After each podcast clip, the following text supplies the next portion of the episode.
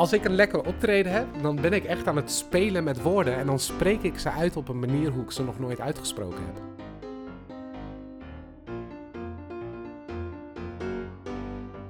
Er zit een persoon achter het materiaal. Er zit een persoon achter de grappen. En ik ben gewoon altijd heel erg nieuwsgierig naar wie is dat.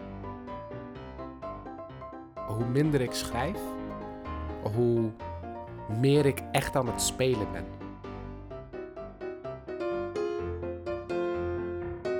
Je merkt net even een andere connectie met het publiek wanneer jij echt jezelf durft te zijn. Het vak speelt af en toe gewoon hard to get met mij. Ze hoeven het niet te snappen als ze het maar voelen. En dan ga je er staan en dan, ja, je, probeert een beetje grappig te zijn en mensen lachen dan niet of, of een beetje... eh, het is een hele ongemakkelijke situatie, terwijl het eigenlijk niet zou moeten zijn. Ik heb mijn eerste voorstelling niet eens af en ik ben er nu al mee bezig. Wat als ik uitgenodigd word bij De Wereld Draait Door? Marokkaan uit Culemborg speelt Geert Wilders in Uno's reclame. Ja, ik stond met mijn rug tegen de muur. Ik, ik moest wel. Iemand die door mijn bullshit heen kan prikken? Ja, dat is precies wat ik nodig heb nu. Hey, hallo. Welkom bij de Comedycast, een podcast over comedy. Mijn naam is Bert van Doren, geen comedian, hoewel ik dat natuurlijk wel een beetje denk te zijn, maar wel een journalist met een fascinatie voor comedy en ook voor podcast. En vandaag de gast Hassan El Rawi. Helemaal goed. Helemaal goed. Helemaal goed. Ja, ik moest net even vragen hoe je, hoe je achternaam eigenlijk het beste uit kon, uit kon spreken, want eh, Wordt me heel vaak gevraagd. Ik heb een, Ja. eh, ik heb een eh, ezelsbruggetje ontwikkeld. eh, mhm, gewoon de U als een W uitspreken en dan gaat het helemaal goed. El Rahawi. mhm. Maar je, je komt uit Gelderland, Tiel? Eh, geboren in Tiel, Geboren in zeker. Tiel. Maar opgegroeid in Culemborg. Ik heb Culemborg. daar 27 jaar gewoond. Het eh, duurde heel lang voordat ik uit het huis eh, van mijn ouders ging. Want, wat, we, want je had nog een moeilijke jeugd gehad. eh. Of, ja, moeilijk. Ik, ik las wel een stabiel gezin, maar toch een moeilijke, moeilijke jeugd. Ja, ja, er speelde heel veel in mijn jeugd. Maar vooral dingen die ik zelf veroorzaakt heb. Eh, ik, was niet echt, eh, ik was niet echt de makkelijkste kind, joh. Ik was Mm. eh, altijd nieuwsgierig en eh, weet je wel, ik wou met iedereen vriendjes zijn. Eh, ook een beetje de foute jongens eh, in de wijk en whatnot. Dus eh, ja, ik ben in allerlei rare situaties terechtgekomen, ja. Want kun je daar een voorbeeld van geven? Want Ik las iets van, las iets van vier middelbare scholen. Ja, ja. Dus Ik was, ik was in de brugklas was ik zo ontzettend bezig met kloten en feestvieren en, en spelen.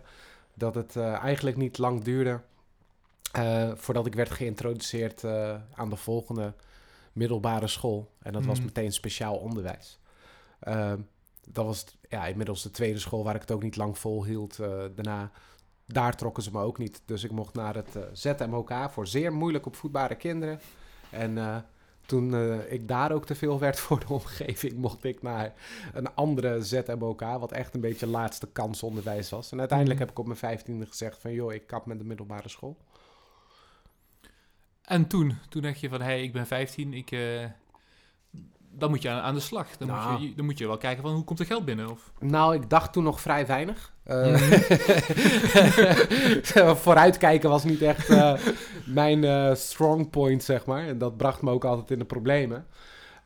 Ja, maar inderdaad, ik was een beetje aan het zoeken en aan het kloten. En eh, ja, eh, bij een aantal pizzeria's gewerkt in eerste instantie. En eh, wat uitzendbureaubaantjes gehad. Eh, ik heb echt in een, kaasfabriek gewerkt. En ik heb boeken gesjouwd, zeg maar. Zoals mijn vader ook bijvoorbeeld bij het Centraal Boekenhuis. Nou, daar heb ik ook een weekje volgehouden.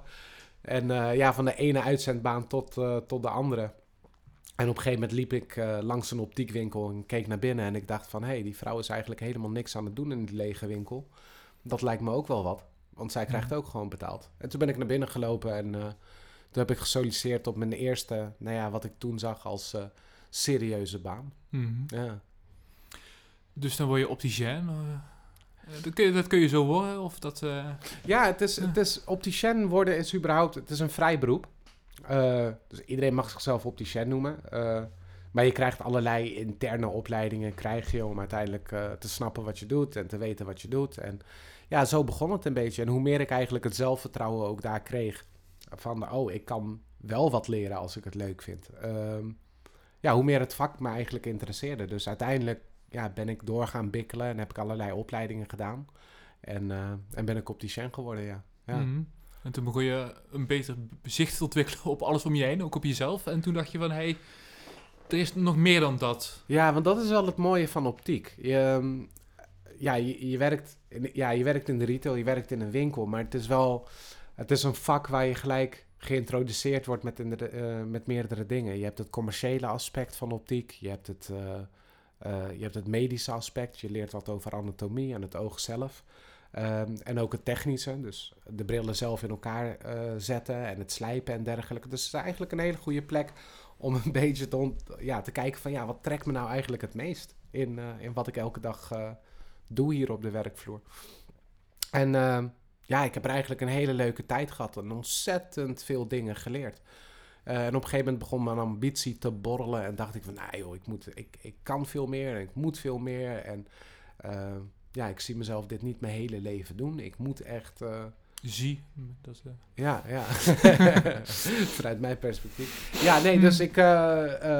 dat, dat is, ik, ik heb er heel lang gezeten eigenlijk in optiek. Maar op een gegeven moment heb ik zo'n hele rare beslissing genomen door een vriend van mij. Die zei van, joh, weet je wat je bent een goede verkoper. Dus wat misschien voor jou iets is, is keukens verkopen. Dus daar heb ik ook nog een paar jaar keukens verkocht. Voor, voordat ik de rest van mijn carrière inging, zeg maar. Maar ergens kwam comedy om de hoek kijken. Hoe is dat? Uh, oh, dat was echt jaren later. Want na, na de keukenverkoop ben ik eerst nog in management gegaan. Heb ik een avondopleiding gedaan. ging ik op een gegeven moment account management in. en de combinatie met optiek was interessant voor ja, voor een, een, medische distributeur. Dus uiteindelijk werd ik accountmanager in de oogchirurgie zelfs. Um, ja, en dat, dat ging allemaal zo door. En op een gegeven moment kwam ik op het punt van... holy shit man, ik, ik had nooit gedacht dat ik zo ver zou komen. Ik had nooit gedacht dat ik zoveel ambities waar zou maken... dat ik ja, gewoon een goede, stabiele baan zou hebben... na alles wat ik heb meegemaakt in mijn jeugd. Um, en dan kan je in één keer na gaan denken van... ja, maar wat, wat trekt me eigenlijk echt? Wat vind ik nou eigenlijk echt leuk om te doen? Uh, want het voelde toch een beetje alsof ik een beetje een carrière ben gaan najagen omdat het moest of zo. Beetje raar om, een beetje moeilijk om uit te leggen, denk ik. Maar... Misschien omdat het in zit van, dat is het ideaalplaatje dat, waar je mee opgroeit, dat moet ik dan bereiken? Huisje, nee, was, beestje? Of? Nee, het was meer omdat ik een beetje, omdat ik mijn carrière inging met een achterstand. Um, voelde het altijd alsof ik op elke baan opkeek. Dus ik had zoiets van, oh, wauw, wat bijzonder dat ik dit mag doen. Wat bijzonder dat ze mij vertrouwen om mensen aan te spreken in een winkel. Weet je wel? Uh, ik had ook een, zeg maar, ik had vroeger een heel laag zelfbeeld van mezelf. En ik was me ook altijd aan het aanpassen aan de mensen om me heen. Uh, ja, om te kunnen, te kunnen verkopen, om te kunnen scoren, om gemogen te worden. Dus het voelde een beetje ook alsof ik mezelf kwijt aan het raken was in die hele periode. Um, en toen kwam comedy om de hoek kijken, omdat iemand tegen me had gezegd van... hey, wist je dat ze stand-up comedy cursussen hebben? En jij bent altijd al bezig geweest met comedy. Dus, uh, want ik was altijd die gast, weet je wel. Ik liet altijd weer, als er een nieuw, nieuwe comedian was of nieuwe special of zo... hey, jongens, hebben jullie dit al gezien, weet je? Ik was het altijd aan het delen. Uh, ja, en toen werd ik geïntroduceerd aan een, aan een comedy cursus. En toen begon ik ermee en toen dacht ik van... wow, dit is vet. Um, en ik was nog niet, ik was nog niet goed of zo, maar ik had zoiets van, ja, dit is wel iets waar ik goed in wil worden. En het maakt me niet uit wat mensen ervan denken, want je moet op je bek gaan en je moet je kwetsbaar opstellen op zo'n podium. Dus, uh, dus zo is het eigenlijk begonnen. En toen ben ik het altijd een beetje naast mijn werk gaan doen. En op een gegeven moment groeide het zo erg gewoon van, oh joh, maar dit is eigenlijk wat ik vroeger had gekozen om te doen als ik vroeger wel het zelfvertrouwen had gehad om gewoon te gaan voor wat ik wil. Uh, dus ja, nu is het, uh, nu is het mijn werk geworden. Nu mm. doe ik eigenlijk niet anders meer. dus, uh, dus ja, ik mis de stabiele factor van mijn werk zo nu en dan wel. Weet je wel, het pensioen opbouwen en een leuke auto rijden en dat soort ja, dat kan altijd nog, hè? Oh, ik hoop het. Als ik niet verhonger voor die tijd, ja. nee, dus ik, ja, ik, ben mijn, uh, ik ben nu mijn passie aan het najagen en het... Uh, ja, ik, uh, ik haal daar heel veel voldoening uit, absoluut. Wanneer was de eerste keer dat je echt op een podium stond? Was dat ook met die cursus? Of. Ja, was uh, zeven jaar geleden. Niet, het was niet de eerste keer dat ik echt op een podium stond. Want ik deed vroeger... Uh, ja, in mijn puberteit en op de basisschool deed ik, was ik altijd wel geïnteresseerd in theater en toneel. Dus ik heb wel in, uh, in musicaltjes gespeeld. En, dus ik, ik deed er al wat mee. En dat maakt het, het, ik vond het toen al leuk om te doen. Maar ik, ik kon me gewoon toen de tijd niet voorstellen. En mijn omgeving die hamerde er ook op dat ik iemand zou zijn die daar echt iets mee zou doen of zo. Weet je wel? Mhm. Dat was gewoon van, oh, ik doe lekker gek daar. En uh, dat, ja, dat is, dat is fijn. Dus het was een beetje altijd een hobby-idee. Uh, wanneer was de eerste keer dat je op een podium stond om puur grappen te maken, dat mensen moesten lachen? Dat was na die cursus en dat was zeven jaar geleden, om precies te zijn. Dus we hadden toen een vijfdaagse cursus bij het Comedyhuis. En uh, ik kwam daaraan. Geen flauw benul wat me te wachten stond eigenlijk. Want het was eigenlijk een cursus voor mensen die al op het podium hadden gestaan. Of in ieder geval wat geschreven hadden. En ik kwam daar echt zo aan van... Oh, ja, maar jullie gaan me toch helpen schrijven, weet je wel. Hmm. ik had echt geen idee wat me te wachten stond. Maar ik had het al op Facebook gezet dat ik het zou gaan doen. Er kwamen allerlei vrienden die hadden al kaartjes gekocht. Echt een stuk of tachtig, denk ik. Dat was echt overdreven. Dus ja, ik stond met mijn rug tegen de muur. Ik, ik moest wel. En ik had eerst met mijn dappere hoofd had ik gezegd van... Ja, dat ga ik wel even doen. Maar toen ik uiteindelijk het mailtje had gestuurd en me echt aangemeld had... Ja, toen kwam de spanning. Toen kwamen de zenuwen wel. Dat ik van holy shit, nu moet het echt gaan gebeuren. En nu moet het nog goed zijn ook. Dus uh, omdat het best wel redelijk ging de eerste keer... was het voor mij ook wel een opstekertje van... Oh ja, misschien zit hier wel meer in. En als ik wat meer mezelf word op het podium... dan wordt het ook wel leuker om naar te kijken voor mensen of zo, weet je wel. Want daar, daar hamer je wel heel erg op om jezelf te, zijn, omdat... Uh... Ja, ja, ja. Ja, ja dat, dat herken je natuurlijk ook, hè, van de mhm. cursus. Mm. Maar jezelf zijn, ja, het moet in ieder geval van een plek komen waar jij het echt voelt, vind ik. Um, je kan iets totaal absurds doen en het hoeft totaal geen connectie te hebben met de realiteit hoor, om te werken. Um, daar gaat het niet zozeer om, maar als het in ieder geval maar iets is waar jij echt in gelooft. En dat het in ieder geval van een plek komt dat je ook de energie kan halen om dat ook zo te spelen, weet je Want uiteindelijk is het ook, als je alleen maar grapjes verzint omdat ze werken, ben je constant aan het aanpassen op, op anderen. En dat is prima hoor, als je, als je daar vrolijk van wordt, maar dat is niet hetgene wat mij zeg maar op dat podium heeft gekregen. Bij mij was het dus echt van, ehm, als, ik me, als ik me los zou breken van wat de omgeving denkt, zeg maar, weet je wel. Dan zou ik op dat podium willen staan. Dat is eigenlijk wat ik daar wil onderzoeken. En ik merk ook dat de, bij de cursussen die ik nu geef bij het Comedyhuis, ik merk ook dat daar vaak het meest interessante materiaal te vinden is ook. Bij, uh, bij de cursisten en de mensen die beginnen ook. Maar ik, ik, kan me goed voorstellen dat je dat, dit proces zelf ook hebt doorgemaakt. Van ja, eerst was je verkoper, dan, ja, dan ben je heel erg ingespeeld op wat wil de ander, hoe kan ik het beste dat brengen. Ja, om dat helemaal los te laten, lijkt me dan nog moeilijker misschien wel. Om al die aangeleerde trucjes, om dat uit je systeem te krijgen. Zeker. En uh, om, om heel eerlijk te zijn, het is, iets waar ik, het is iets waar ik nog steeds moeite mee heb. Ik heb nog steeds wel eens, dan kom ik van het podium af en dan denk ik van, ach, jezus. Uh, ik was daar niet helemaal mezelf. Ik was niet ik, ik was niet trouw aan het materiaal wat ik aan het brengen was. Weet je wel? Dan heb ik gewoon het gevoel van, oh, ik was daar heel erg aan het pleasen. Ik probeerde daar heel erg te scoren. En op zich, ja, niks mis mee. Is op zich prima. Maar je merkt net even een andere connectie met het publiek.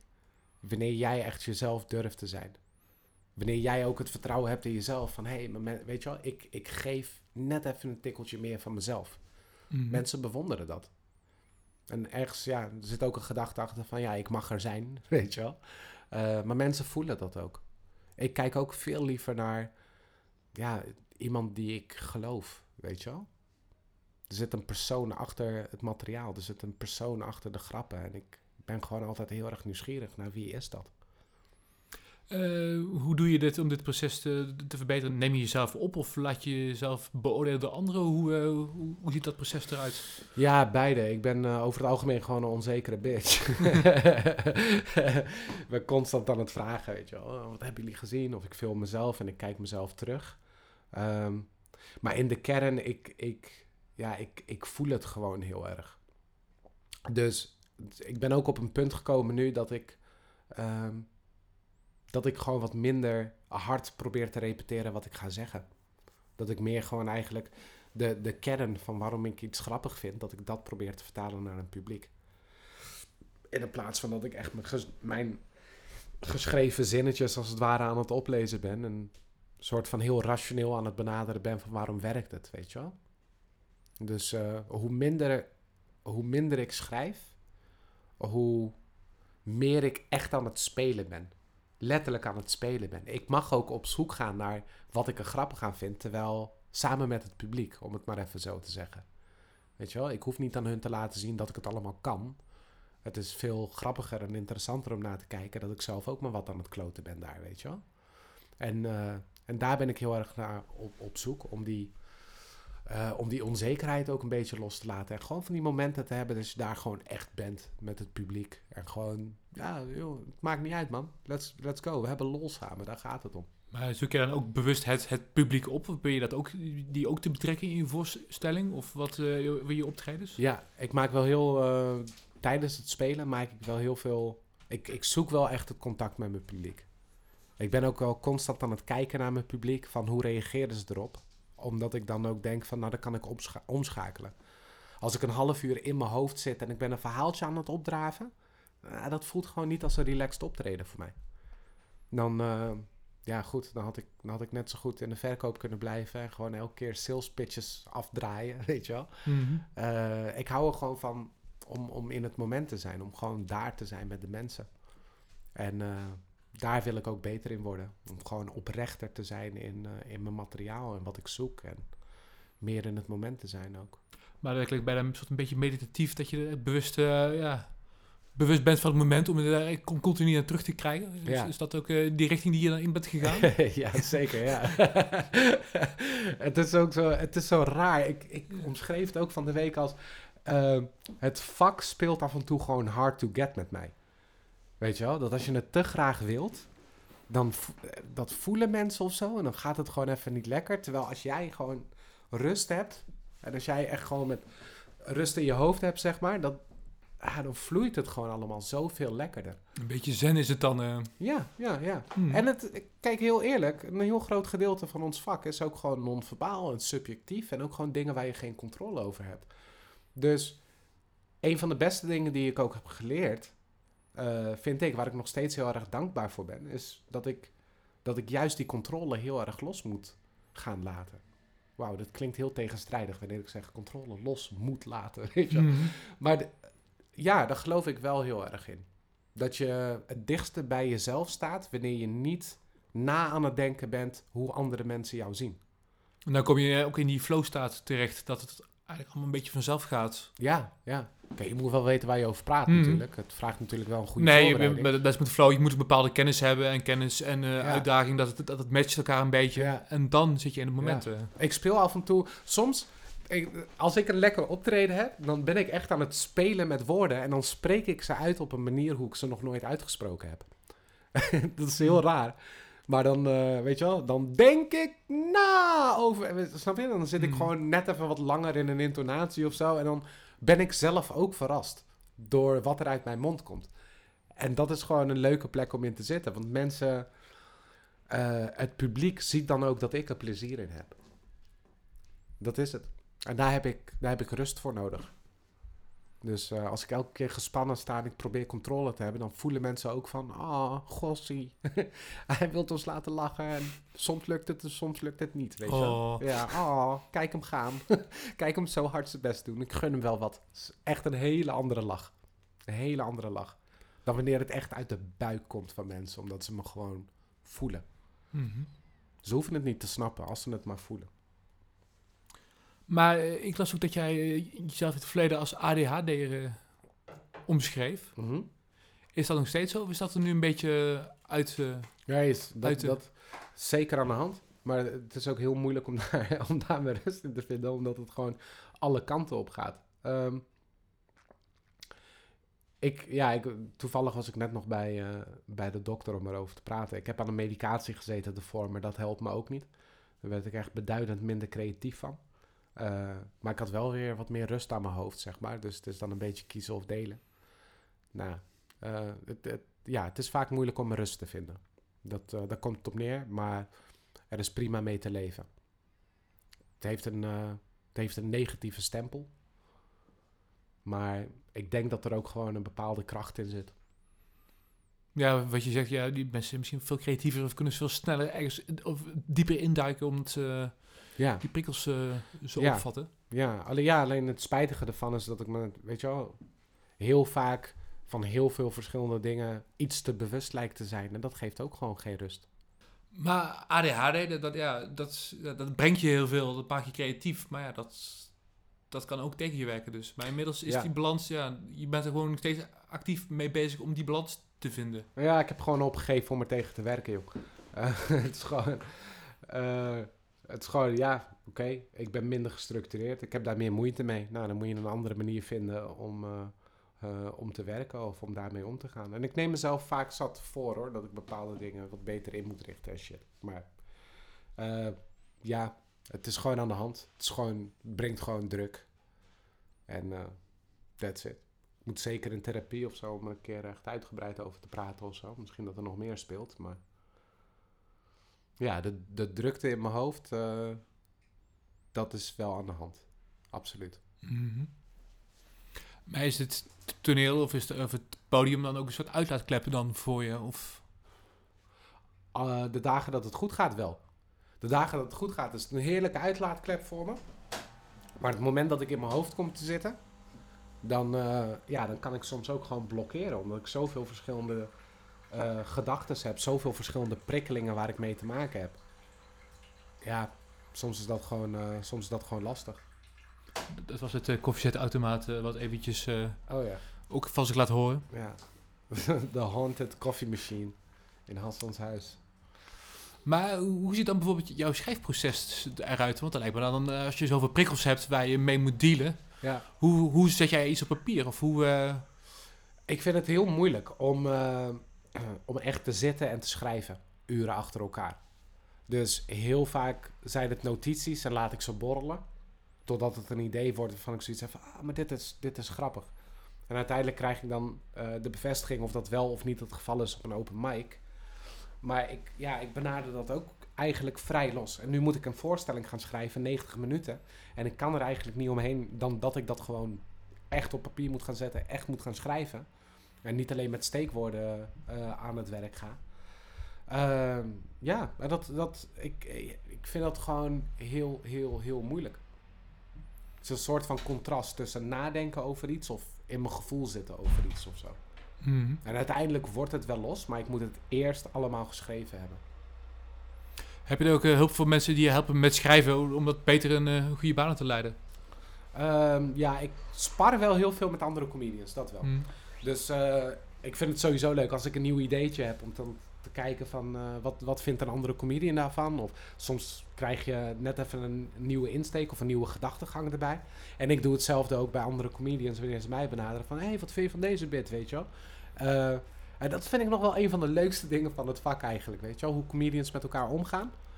En als, als je een gesprek zou horen in een koffiezaakje tussen twee comedians en je weet niet waar dat het comedians zijn. Dat, dat is fucking hilarisch. Zo van, ja, denk je dat deze Hitler-grap door de beugel kan? Weet je wel? Zo, ah, ik weet niet man, mezelf eh, oraal bevredigen. Is dat misschien, eh, denk je daar ook wel eens aan? Heb je daar iets over? like, dat soort gesprekken heb je, omdat er gewoon geen grenzen zijn, weet je wel? En dat vind ik gewoon, eh, dat vind ik gewoon heel tof. Dat de, de waardeoordeel eh, over waar je het over hebt, dat die er niet, dat die soms er niet lijkt te zijn of zo. En dat is gewoon een hele chille, vrije, kunstzinnige omgeving om in te zitten of zo. Dat lijkt me wel fijn, ja, dat, je, dat je dan in een omgeving terechtkomt waar geen remmingen zijn, waar je gewoon jezelf, jezelf kunt zijn en Ja. eh, alles kunt, de, de boel kunt laten, Ja, kunt laten, ja, laten stromen. ja. Ik deelde gisteren een, eh, een- tweet van een andere comedian. Eh, naar een vriendengroep van mij. En die vonden echt niet kunnen. Want Kobe Bryant is gisteren Mhm. overleden. En eh, er was een, een Amerikaanse comedian die had iets gezegd in de trant van... eh, Kobe passing, this can't be true, weet je wel. Mhm. maar het is Mhm. gewoon het, het moment dat hij het nieuws hoorde, weet je wel, pleurt hij dat er gewoon uit. En ik heb dan zoiets van, oh ja, weet je wel, iemand is al gelijk aan het werk. En vrienden van mij hebben zoiets van, hey yo, doe, doe gewoon even fucking normaal. Mhm. dit, is, dit is kut dat dit gebeurt. Ah, oké, oké. Weet je wel, maar comedians onderling is dat gewoon... Ja, dat is gewoon een hele toffe, vrije vibe, vind ik. Ik moet zeggen dat het op een, eh, op- een eh, redactie, eh, journalistieke redactie, worden ook best wel heel vaak harde grappen gemaakt. Vooral ook als er heel ernstig nieuws gebeurt. Ja. Zoals een vliegtuig neer of zo, of er gebeurt iets heel vreselijks. Maar het is ook een soort manier van om met de materie om te gaan. Ja, ja, absoluut. En dat, is een kopingsmechanisme. Daardoor verwerk je het ook wat makkelijker. Ja, ja. Dus ik, ik weet niet. Ik snap, ik, ik weet niet. Ik snap wel dat mensen er wat van vinden. Weet je wel, maar ik, ja, gewoon het hele idee van eh, nee, daar, moet je geen, daar, maak, daar maak, maak je geen grappen over. Ja, nee, dude, fuck jou. Als het een goede grap is, is het een goede grap. Het is hypocriet om het te bewaren totdat het juiste moment er is om er wel iets over te zeggen. Ja, voor sommige mensen is het een manier om ermee om te gaan. Sommige mensen willen het niet ho- horen, maar ja, eh, gun die andere mensen ook wat. Iedereen gaat er op een andere manier mee om. Mhm. Wie zijn jouw eh, grote voorbeelden? Oeh, het zijn er een heleboel. Ik, eh, ik vind Dave Chappelle ja, momenteel eh, mijn grootste voorbeeld. Juist omdat hij zo dicht bij zichzelf, zo relaxed op het podium staat en echt ontzettend interessante kijk heeft op de wereld überhaupt. Ehm, maar ja, weet je, Louis C.K. nog steeds en Bill Burr. eh, de klassiekers, George Carlin, Richard Pryor. Het is gewoon echt... ja, dat vind ik tof. En ik ben, ik ben echt zo'n comedy gek. Hè. Ik kijk elke, elke nieuwe special die uitkomt. Het is wel zo dat ik veel meer naar de Amerikanen en de Engelsen kijk. Dan dat ik naar het Nederlands cabaret kijk. En wa- waarom is dat? Wa- Waarom is ben je meer... eh trekt trek dat je meer? Of wat is dat? eh, is dat wat harder? Of is dat... eh, Nee, nee. Ik denk dat, ik denk dat überhaupt ehm, van jongs af aan al... Ik denk dat ik me veel meer vertegenwoordigd voelde in die stem. Ehm, zeker, weet je wel, vroeger Eddie Murphy, Richard Pryor en zo. De Afro-Amerikaanse stem. Ehm, ik kon me daar heel erg in relateren. Omdat ik me ook een beetje voelde als een buitenbeentje van deze maatschappij. En dat is een stem die ik gewoon vroeger niet hoorde in, in Nederlands cabaret. Eh, ook had ik altijd een beetje het gevoel. Het gevoel, hè?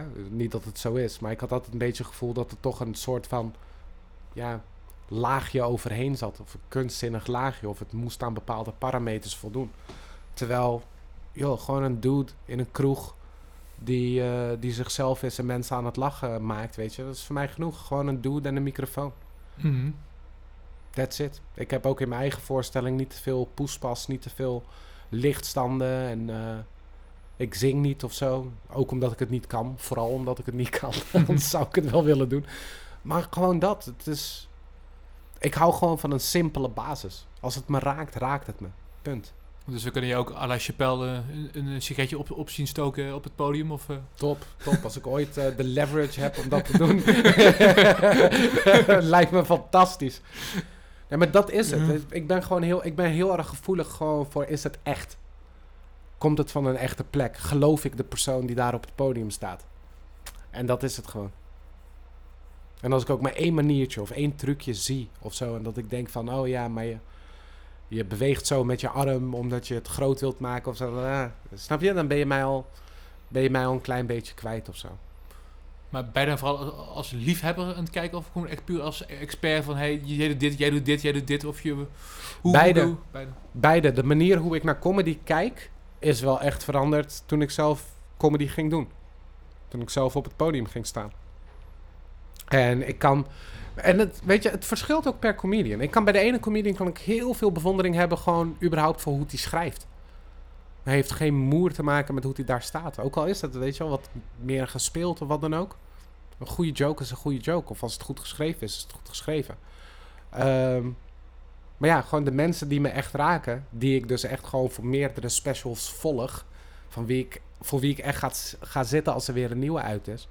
Ja, dat zijn wel echt de mensen bij wie het echt uit hun, uit hun ballen komt, gewoon uit hun kern. Die gewoon eh, aan het oude hoeren zijn over wat ze echt, echt dwars zit, weet je wel. Mhm. Je noemt ook eh, Louis C.K. als voorbeeld. dat, Mhm. ja, die heeft natuurlijk een beetje onder vuur gelegen de laatste tijd. Ja. Is, er, is weer een kle- klein beetje aan het terugkomen ook. Mhm, eh, Ja, dat is toch ook... een- Ja, je checkt het is best wel... Ja, je, het is best wel moeilijker nu om hem goed te vinden. Dus hij is nog steeds heel erg goed. Maar het is, ja...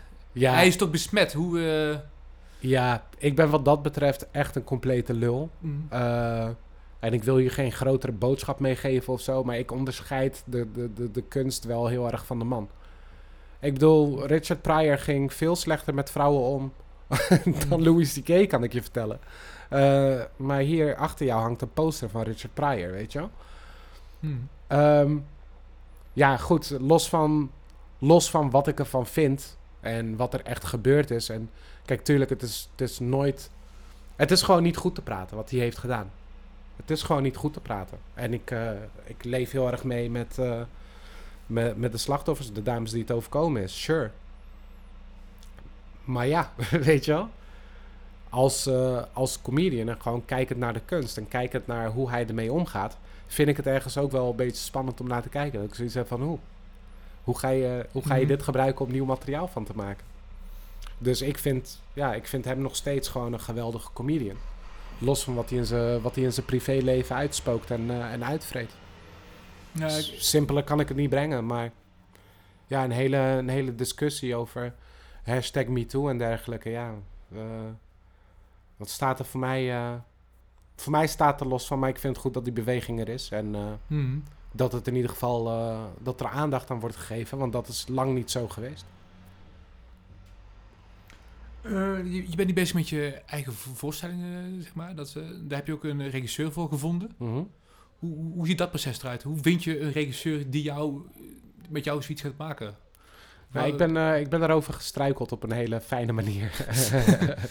toen ik, in de, toen ik in de, naar de finale ging van, eh van Cabaret, of eigenlijk de halve finale beter gezegd, toen eh, kregen wij een regieweekend met eh, verschillende regisseurs en ik werd gekoppeld aan Pieter Bouwman. En ik was, eh, ja, ik was echt heel erg onder de indruk hoe hij bij mij bepaalde dingen zag en hoe hij bij mij naar boven kon halen van hé, hey, maar dit is niet hoe je echt klinkt dit doe je om mensen te vermaken. En prima. Maar als je straks langer op het podium gaat staan, zoek het nog even wat dieper in jezelf. Want het is wel interessant om naar te luisteren op die manier. En de manier hoe hij met mij aan het sparren was in dat weekend, eh, inspireerde mij gewoon heel erg om mijn voorstelling ook wat echter te maken en om wat dieper te gaan. En daarom wou ik ook verder met hem gaan en meer met hem werken.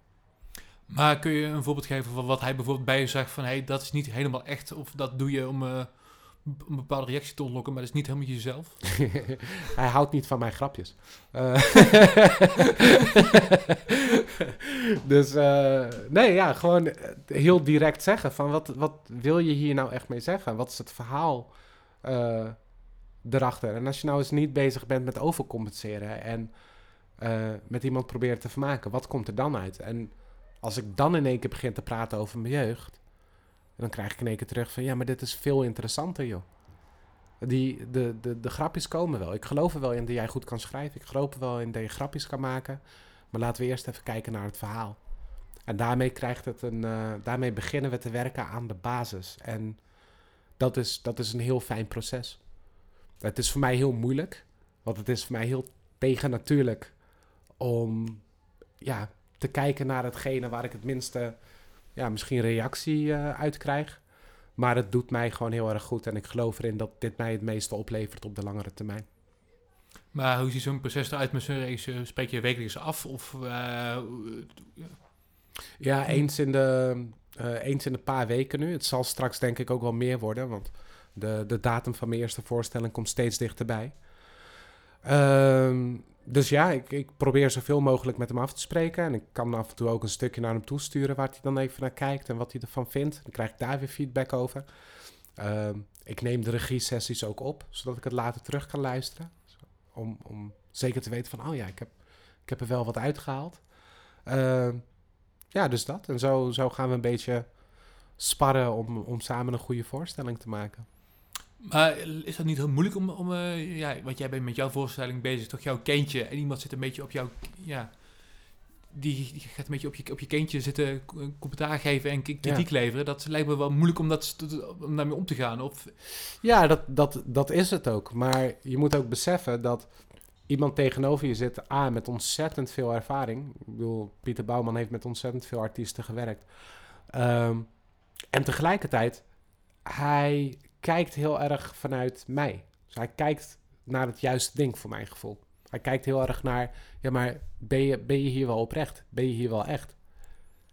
En iemand die door mijn bullshit heen kan prikken, ja, dat is precies wat ik nodig heb nu. Om te voorkomen dat ik, uh, dat ik mezelf zo meteen door het proces manipuleer. En dat ik uiteindelijk iets maak wat misschien wel werkt, maar waar ik niet achter sta, gevoelsmatig. Ik speel liever iets wat minder goed werkt, waar ik in ieder geval heel erg achter sta. Het gaat er mij ook niet om om zoveel mogelijk mensen te bereiken. Het gaat er mij om om de juiste mensen te bereiken. Uh, wat is tot nu toe je hoogtepunt? Zeg maar, dit is uh, het beste optreden of hier ging alles goed? Oh. Wauw. Uh, dat zijn er meerdere. Maar het zijn echt momentopnames. Ik heb echt... Ehm, ja, toevallig had ik het gisteren met een andere comedian over een, uh, over een optreden vorig jaar. In, in Bergen. Wat, wat een kroeg is die zo nu en dan een, een comedyavond heeft. En ik speelde in de tweede helft speelde ik 45 minuten. En dat was eigenlijk gewoon, ik was zo niet bezig met mijn materiaal. Ik heb de eerste kwartier geloof ik ook geïmproviseerd. Ik heb het gewoon gehad over de vorige keer dat ik in Bergen stond. En dat was, dat was voor mijn gevoel was dat een fantastische avond. Omdat ik, weet je wel, ik was mezelf en mensen vonden me leuk daarom. Nou, dan heb je gewoon een goede klik met je zaal. Dan heb je gewoon een goede klik met je publiek. En dat is voor mij een optreden waar ik op terugkijk, waarvan ik denk van ja, dat was, dat was heel erg vet. Dat was heel erg tof om te doen. Uh, de finale van Kameretten in de nieuwe Luxor was ook zo'n avond dat ik dacht van nou, ik heb nu een half uur gemaakt, maar het is wel... Uh, ik heb heel erg geluisterd toen ook naar Pieter in het regieweekend ook. En ik heb eigenlijk gewoon iets nieuws gedaan. En iets nieuws was dat ik op een verhalende manier daar stond. Gewoon mijn verhaal aan het vertellen was. En dat ik niet zo constant van grap naar grap aan het rennen was. Ja, dat, dat heeft mij zoveel voldoening gegeven en zoveel kracht gegeven daarna. Dat ik bij mezelf dacht van ja man, ik moet nog, nog meer van dit. Ik moet hier nog beter in worden. Want dan word ik uiteindelijk een veel interessantere artiest dan iemand die gewoon simpelweg wat goede grapjes kan schrijven. Want daar zijn er een heleboel van. Er is maar één jezelf dus. Uh... Er is maar één Hassan. nou, niet één Hassan, maar één Hassan El Rahawi. Uit, uh, die in Tiel geboren is. Dat, dat is er maar één. Waar, uh, waar ging het helemaal mis op het podium? Heb je daar een voorbeeld van? Sorry? Sorry? Waar ging het helemaal mis op het podium? Dat, je, dacht van dit is... haal me hier zo snel mogelijk vanaf. Of Jeetje. Ja, dat zijn er ook genoeg hoor. Dat zijn er ook genoeg. Ik, uh, ik, ik, weet nog, ik weet nog een keer, dat was toen ik, toen ik een paar maanden bezig was, toen heb ik echt de microfoon teruggedaan in de standaard. Omdat mensen maar door me heen bleven praten. Dat er gewoon geen aandacht voor me was. Nou, toen heb ik op een gegeven moment heb ik het, uh, heb ik gewoon bedankt gezegd en uh, de microfoon erin. Echt als een kleine bitch weggelopen. Zo van, nou, ik hoop dat jullie meer respect kunnen hebben voor de volgende comedian. en toen ben ik zo het podium afgelopen. Dus uh, toen had ik er zoveel spijt van dat ik daarna na de pauze terug wou. Dus toen heb ik de MC gesmeekt of ik alsjeblieft even terug kon gaan. En uh, ja, uiteindelijk ben ik daar gegaan en toen kreeg ik echt alleen maar van die halve sympathielachjes, omdat ze het eigenlijk best wel zielig voor me vonden. dat er in de eerste helft niet naar me geluisterd werd. Dus dat was, ja, echt, als ik daar aan terugdenk, denk ik, ach, dat was een verschrikkelijke optreden. was het ook een comedy setting, echt? Of wat? Uh... Ja, ja, het was een open mic. En ik had die, uh, dat weekend ervoor had ik echt net een, uh, had ik ook een congres gedraaid voor mijn werk en zo. Dus ik was eigenlijk al helemaal kapot en moe en zo. En ja, dat was gewoon, dat was gewoon een en al kut. En er zijn talloze situaties geweest waar ik gewoon een nieuw idee had waarvan ik dacht van, oh, maar dit werkt wel. En dat het dan helemaal helemaal doodvalt. Nou ja, dat hoort er ook bij, weet je wel. en je bent ook acteur. Mm Hoe is dat dan gekomen?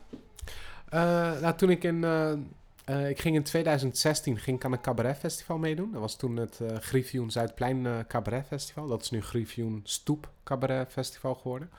Ehm, en dat was eigenlijk omdat ik dus als stand-up comedian was ik heel veel grapjes aan het maken, heel veel aan het optreden. Maar ik miste gewoon ja, het vertellen van een verhaal. Dus ik ging mezelf uitdagen door een cabaretfestival mee te doen. Ehm, om net even een tikkeltje verhalender te worden. En ik heb daar wel de publieksprijs gewonnen. Maar ik merkte van, oh, ik vind het eigenlijk zo ontzettend moeilijk om te doen. Ik vind het zo moeilijk om met die stilte om te gaan van het publiek. Ik vind het heel moeilijk om comfortabel te zijn wanneer het publiek gewoon aandachtig aan het luisteren is. En dat is een hele rare druk om op jezelf te leggen. Weet je wel, dat, ze, dat je van jezelf verwacht dat ze constant aan het lachen zijn. Weet je wel? Ehm, dus toen merkte ik gewoon van ja, als ik, als ik nou een acteeropleiding ga doen, dan leer ik wat meer over spel. Uh, ja, dan kom ik ook gewoon wat meer buiten mijn ego te zitten. Uh, dus ik moet gewoon gekker leren doen, eigenlijk. En toen heb ik auditie gedaan voor, uh, voor een opleiding bij Kemna. En uh, ik mocht meedoen aan een, aan een acteeropleiding van een jaar. En ontzettend veel van geleerd, heel veel van opgestoken. En zo, dat heeft me eigenlijk ook een beetje geholpen om dat ook toe te voegen in mijn ja, competentiepakket. Dus uh, zo nu en dan doe ik ook ergens een auditie voor en uh, daag ik mezelf ook gewoon op acteervlak uit.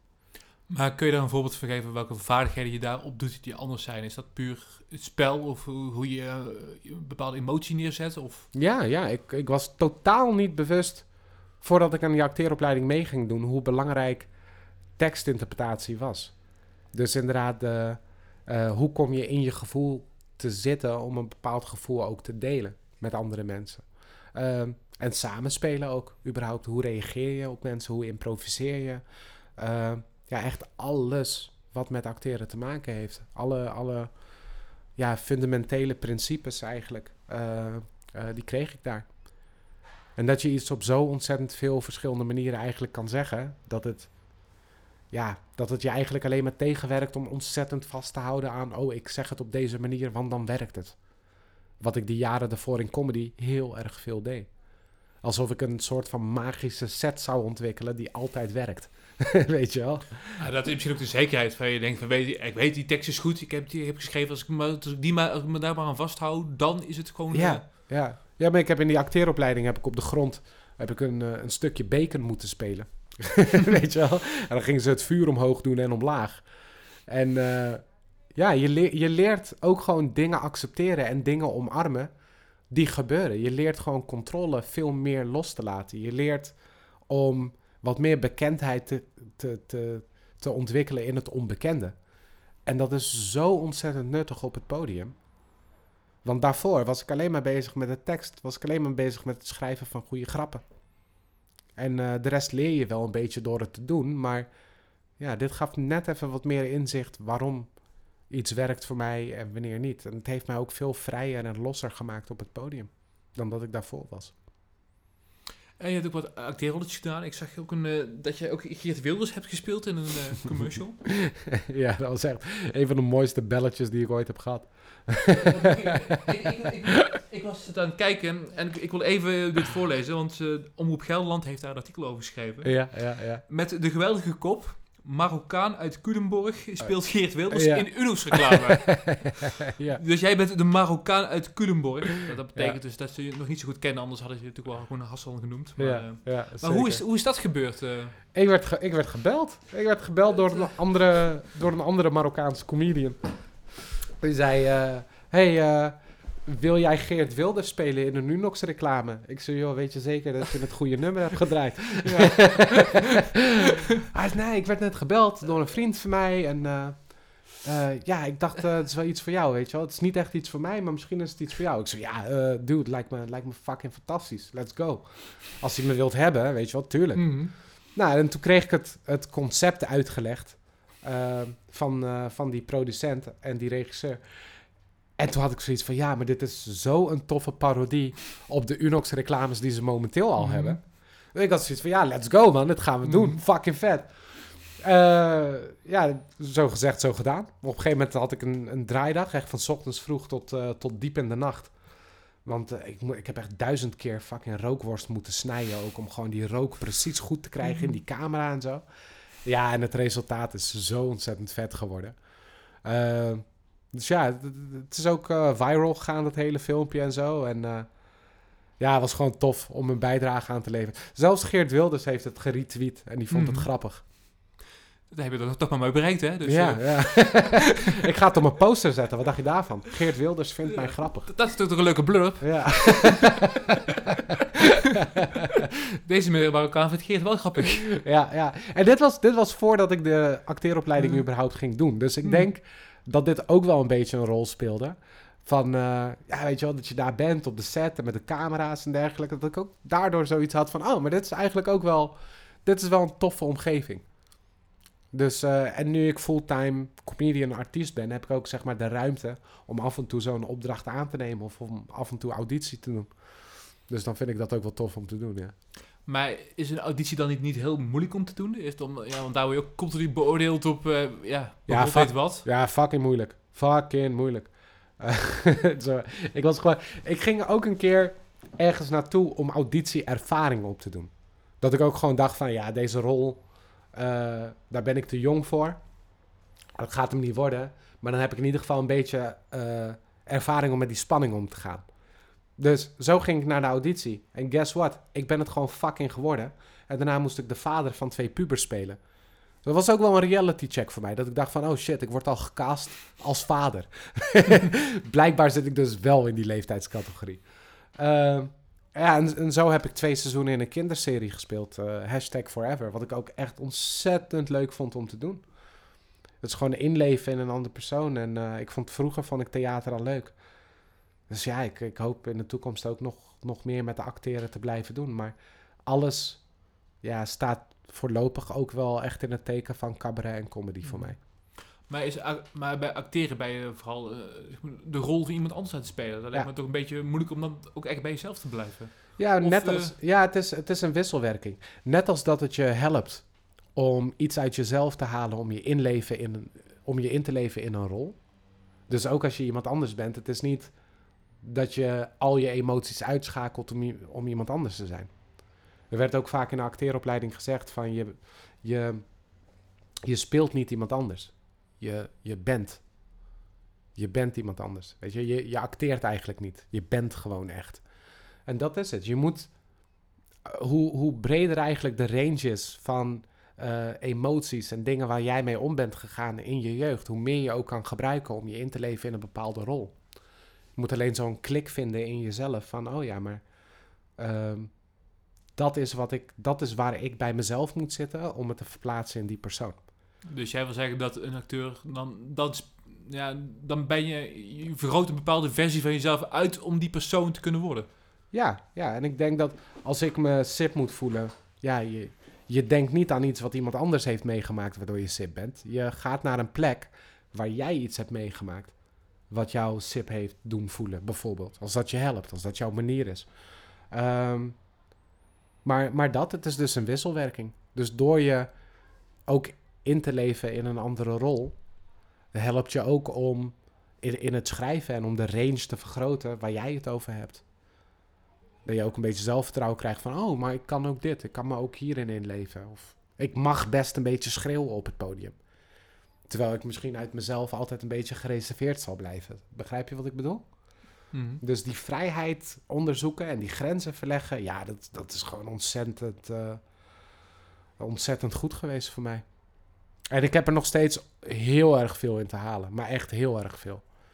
En dat is gewoon tof. Eh, lijkt me ook wel moeilijk om nog steeds weer met, die, ja, met al, die, al die emoties ook van vroeger te worden geconfronteerd. Mhm. En ik, las- ik, las, ik hoorde ook een andere podcast met jij waar jij praat over depressies en zo. Wat, Mhm. wat ook best heel heftig is. Ja. Ja, is het dan niet, eh, ja, zoek je het dan niet een beetje ook op? Of heeft, heb je dan het gevaar dat het dan weer opspeelt? Of hoe, ja, hoe, hoe, hoe ziet dat proces eruit? Ja, ja ik, eh, het werkt mij nu op dit moment heel erg tegen. Maar eh, het heeft mij ook wel heel vaak uit de put geholpen. Dus juist om erover te praten, juist om herkenning te vinden bij andere mensen, juist om het niet allemaal intern te houden, eh, dat, is, dat is wat er ontzettend goed aan is. En kijk, het is wel een, een verschil in acteren of zeg maar cabaret of comedy spelen of het ontwikkelen van mijn materiaal. Er is natuurlijk wel heel veel tussen. Eh, maar het helpt me allemaal. Acteren helpt mij om in gewoon even ergens anders te zijn, soms. Het is eigenlijk een afleiding. En vanuit mijn rotgevoel en depressie en dat ik dat ook durf onder ogen te komen, daar komt ook gewoon een heleboel materiaal uit. Dat ik denk, ja, maar dit is zo kut. dit is zo kloten. En daar, ja, er zitten soms gewoon hele grappige gedachten in waar ik me allemaal druk om kan maken. Dus, uh, Zoals, noemen ze een uh, voorbeeld. zoals uh, presteren als comedian en twijfelen over mezelf in vergelijking met andere comedians. Ik heb nu een, wat is het?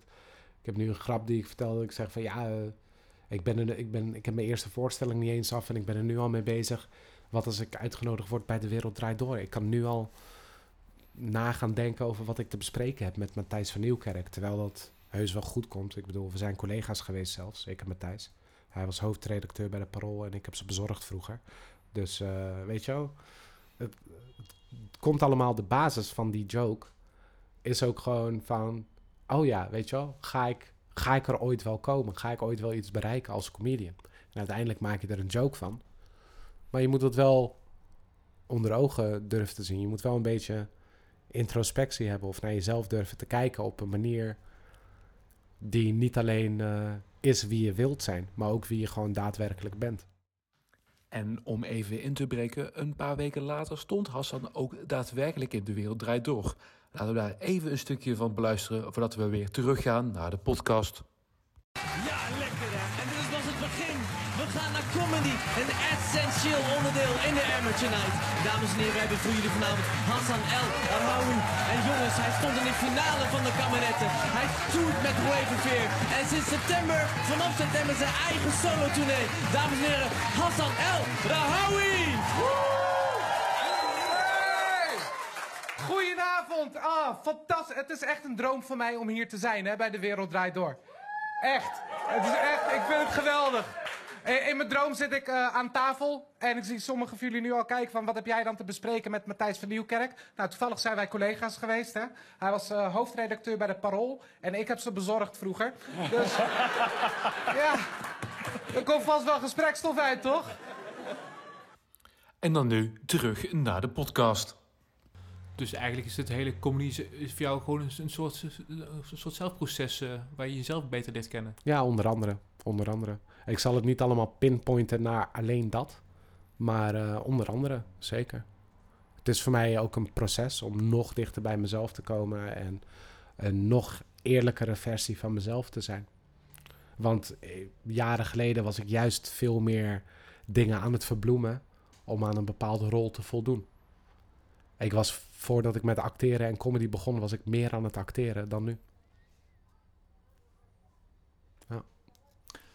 Maar dat, je, dat ik me bijna afvraag, wat denk je daar te vinden uiteindelijk? Uh, wat ik daar dacht te vinden? Nee, wat je nu bij, bij naartoe streeft. Want hoe, zie, hoe zie je jezelf over 15 jaar? Wat sta je dan op het podium? Of Zeker. Heb je jezelf dan eindelijk gevonden? Of? Zeker, nee. Ik denk dat dat, een, uh, ik denk dat dat gewoon een proces is wat nooit over is.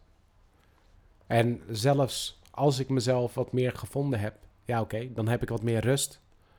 Maar dan nog steeds ga ik op zoek naar andere dingen.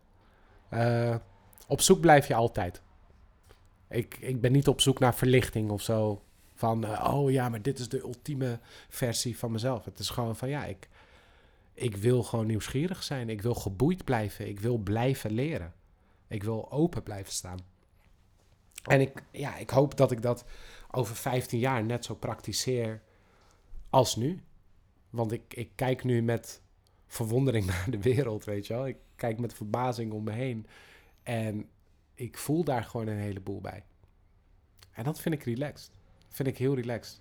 Dat vind ik beter als dan dat ik het gevoel heb dat ik als een soort van robot door het leven ga en dat alles rationeel klopt. En vroeger dacht ik ook met mijn carrière van ja, als ik straks alles voor elkaar heb, dan ben ik gelukkig. Maar dat is gewoon niet hoe het werkt. Het is, uh, ja, het is muziek wat je aan het spelen bent, weet je wel. dat, dat is het. Uh, heb jij tips voor, voor mensen die uh, bijvoorbeeld, ja, je zegt, ik kijk heel veel, vooral Amerikaanse, ook Engelse comedy. Wat, uh, welke, welke laatste specials die je hebt gezien, die, die moeten we ook kijken? Nou ja, wat, een, een van de specials die ik altijd aanraad, eh, als mensen erom vragen. Dat is Bo Burnham, Make Happy. Vind ik een hele, hele mooie show. Eh, heel veel meta ook. En eh, zeg, de, de pijn van een artiest komt daar heel erg mooi en dapper in naar voren. Vind ik heel tof. Het is overigens ook een leuk weetje. Het is een Amerikaan die, eh, die zich ook, ook heeft laten inspireren door Hans Theeuwen. Dus, nee, dus die, vind ik, die vind ik heel tof. Eentje die ik heel recentelijk heb gezien. die staat op Netflix. The Degenerates. Dat is een combinatieshow met meerdere comedians. En eh, Jim Norton heeft daar een fantastische set neergezet. Ehm, ja. De, dat zijn de twee die ik zeker wel zou aanraden. En als je al de klassiekers eh, eh, niet kent, ja, weet je wel, George Carlin, Pryor, Louis C.K., Bill Burr, weet je wel, kijk ze gewoon allemaal. En sta gewoon ook open voor een comedian die een andere comedy stem heeft dan jij, weet je wel. Kijk gewoon fucking alles. Ik ben fan van zoveel verschillende dingen.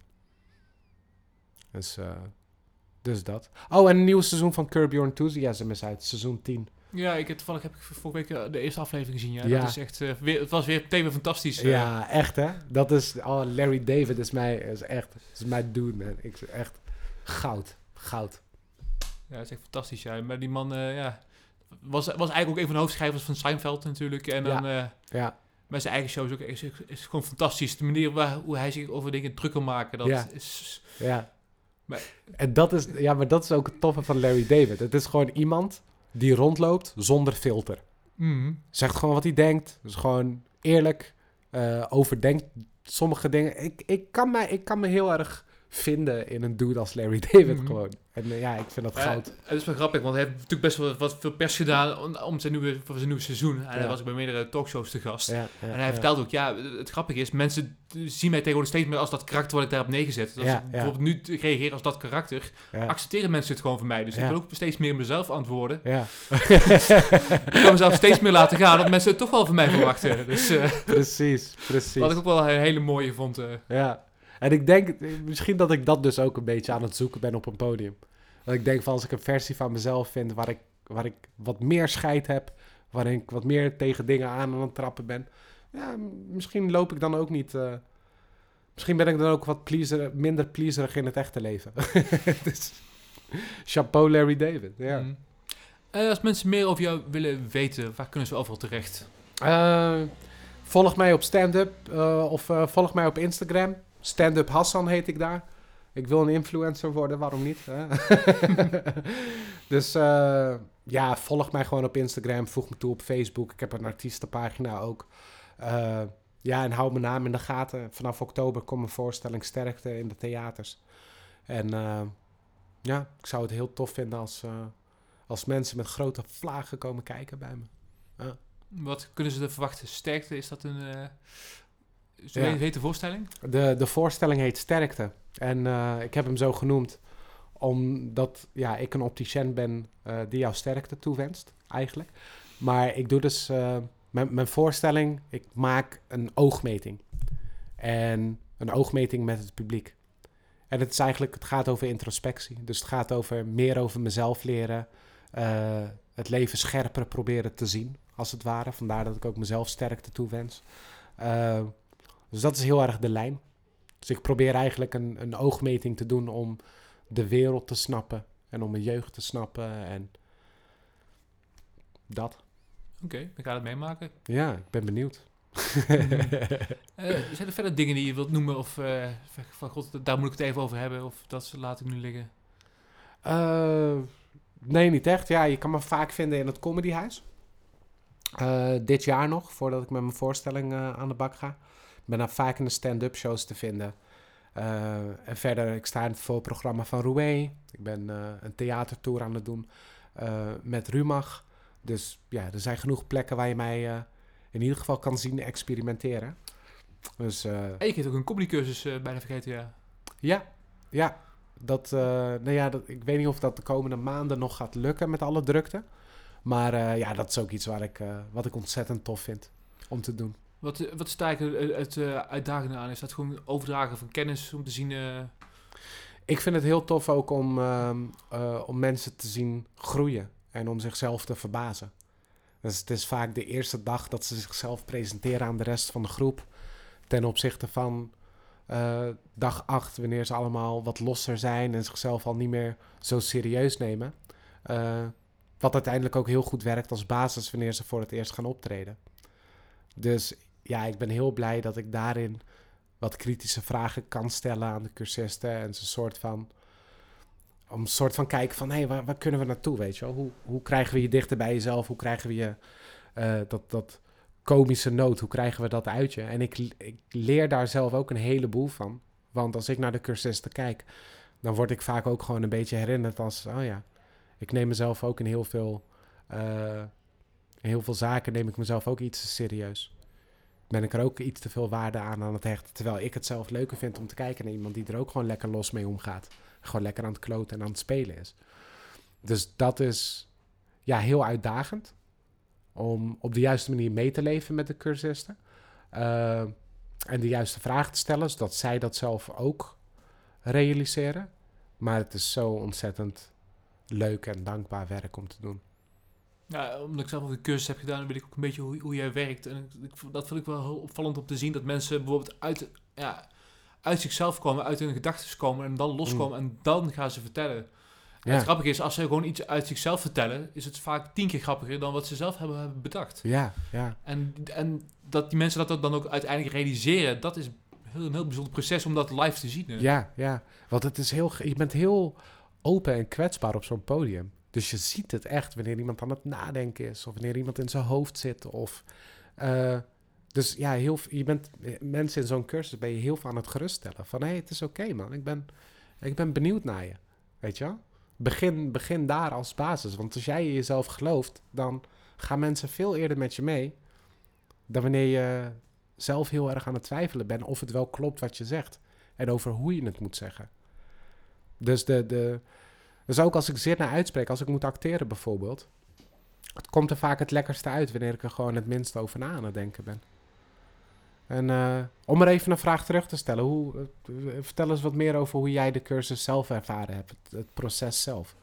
Nou, wat, ik, wat je net ook al zei. Als je voor de, de eerste dag moet je jezelf voorstellen. Ja. En normaal denk je, ja, hoe, moeilijk kan dat zijn? Ik stel me wel vaker voor. Ja. Maar dat is eigenlijk gewoon het, het, bijna het moeilijkste moment van die hele die cursus. Want iedereen ja. is super gespannen. Die spanning hangt in, in het hele lokaal. Ja. En dan ga je er staan en dan, ja, je, probeert een beetje grappig te zijn. En mensen lachen dan niet. Of, of een beetje... Maar het is een hele ongemakkelijke situatie. Terwijl het eigenlijk niet zou moeten zijn. Hè. Ja, ja. Ja, maar dat, dat, dat, is het, omdat de druk erop staat. Hmm. Want het is ook een heel verschil of je jezelf moet voorstellen bij een paar nieuwe collega's... of dat je in één keer bij een comedycursus komt waarin je omgeving grappig is. Je vertelt heel veel tegen jezelf. Zo van, ja, maar uh, ik moet hieraan voldoen. Terwijl je omgeving je helemaal niet daaraan vasthoudt. Dus dan is er al een contrast tussen het publiek wat naar je kijkt... en jij die dus iets aan het zenden is of iets aan het uitstralen is van, ja, waar maakt hij zich druk om, joh? Waarom altijd gestotter, joh? Wat is er aan de hand, weet je wel? En de reden dat ik daar zo flink op hamer, is omdat ik daar zelf ook gewoon heel erg veel moeite mee heb gehad en soms nog steeds heb. Um, dus dat maakt het ook een beetje een, uh, een, een focuspunt voor mij. Mm -hmm. ja, ik vond dat je het fantastisch deed ook bij, uh, mm, bij je presentatie. Ook. Ik vond het heel grappig. Ik vond het echt heel grappig. En wat ik ook fantastisch vond aan die cursus is, is de manier van schrijven is dat je dan iedere week schrijf je wat, schrijf je wat en er wordt commentaar ja. opgeleverd. En, en dan denk je van, oh ja, en vooral door een paar van die opmerkingen, door iemand die er verstand van heeft, en dan kijkt en dan denk ik, oh ja, ik doe dit of ik wil dit doen of... Ja. En dat, dat werkt niet. Ja, ja. Dat is best wel, heel, best wel een, een mindfuck ja. eigenlijk, ja. Zeker, zeker. Om dat allemaal uh, voortdurend uh, terug te krijgen. Ja, en heel vaak, weet je, dan ben je in een kroeg, ben je met vrienden en dan is iets grappigs. Maar je staat er gewoon niet zo vaak bij stil waarom het werkt.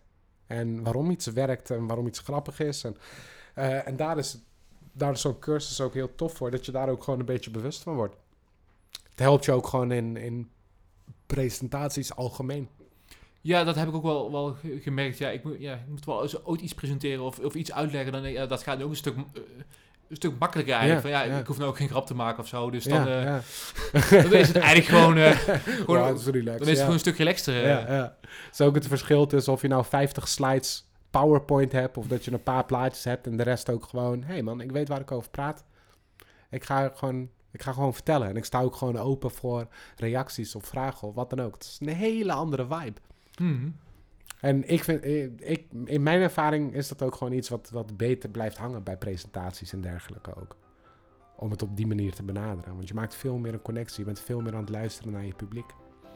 Ja, precies. En wat, wat ik ook eh, sinds ik die cursus heb gedaan is, eh, als ik nu bijvoorbeeld een stand-up special zie of een cabaret eh, voorstelling, dan kijk je er ook heel anders tegenaan Ja. van, oké, wat wil diegene zeggen? Waarom doet hij het nu op, op die manier? Ja, ja, ja. Dus het maakt het veel inter- interessanter om naar te kijken. ja, ja. ja, tof. Tof. Dus eh, ik zou het iedereen aanraden. Dus, Ja. Super, ja, ik ook. maar ik heb een gekleurde mening. Ik heb er een belang bij. ja, Oké, is goed, mooi. Eh, fijn eh, dat ik langs mag komen. Dus, eh, en succes met je voorstelling. top. Ja, dankjewel. Was een leuk gesprek, man. En jullie luisteraars ook. tot de volgende keer. Ja, dank jullie wel voor het luisteren. Doei doei. Doei doei.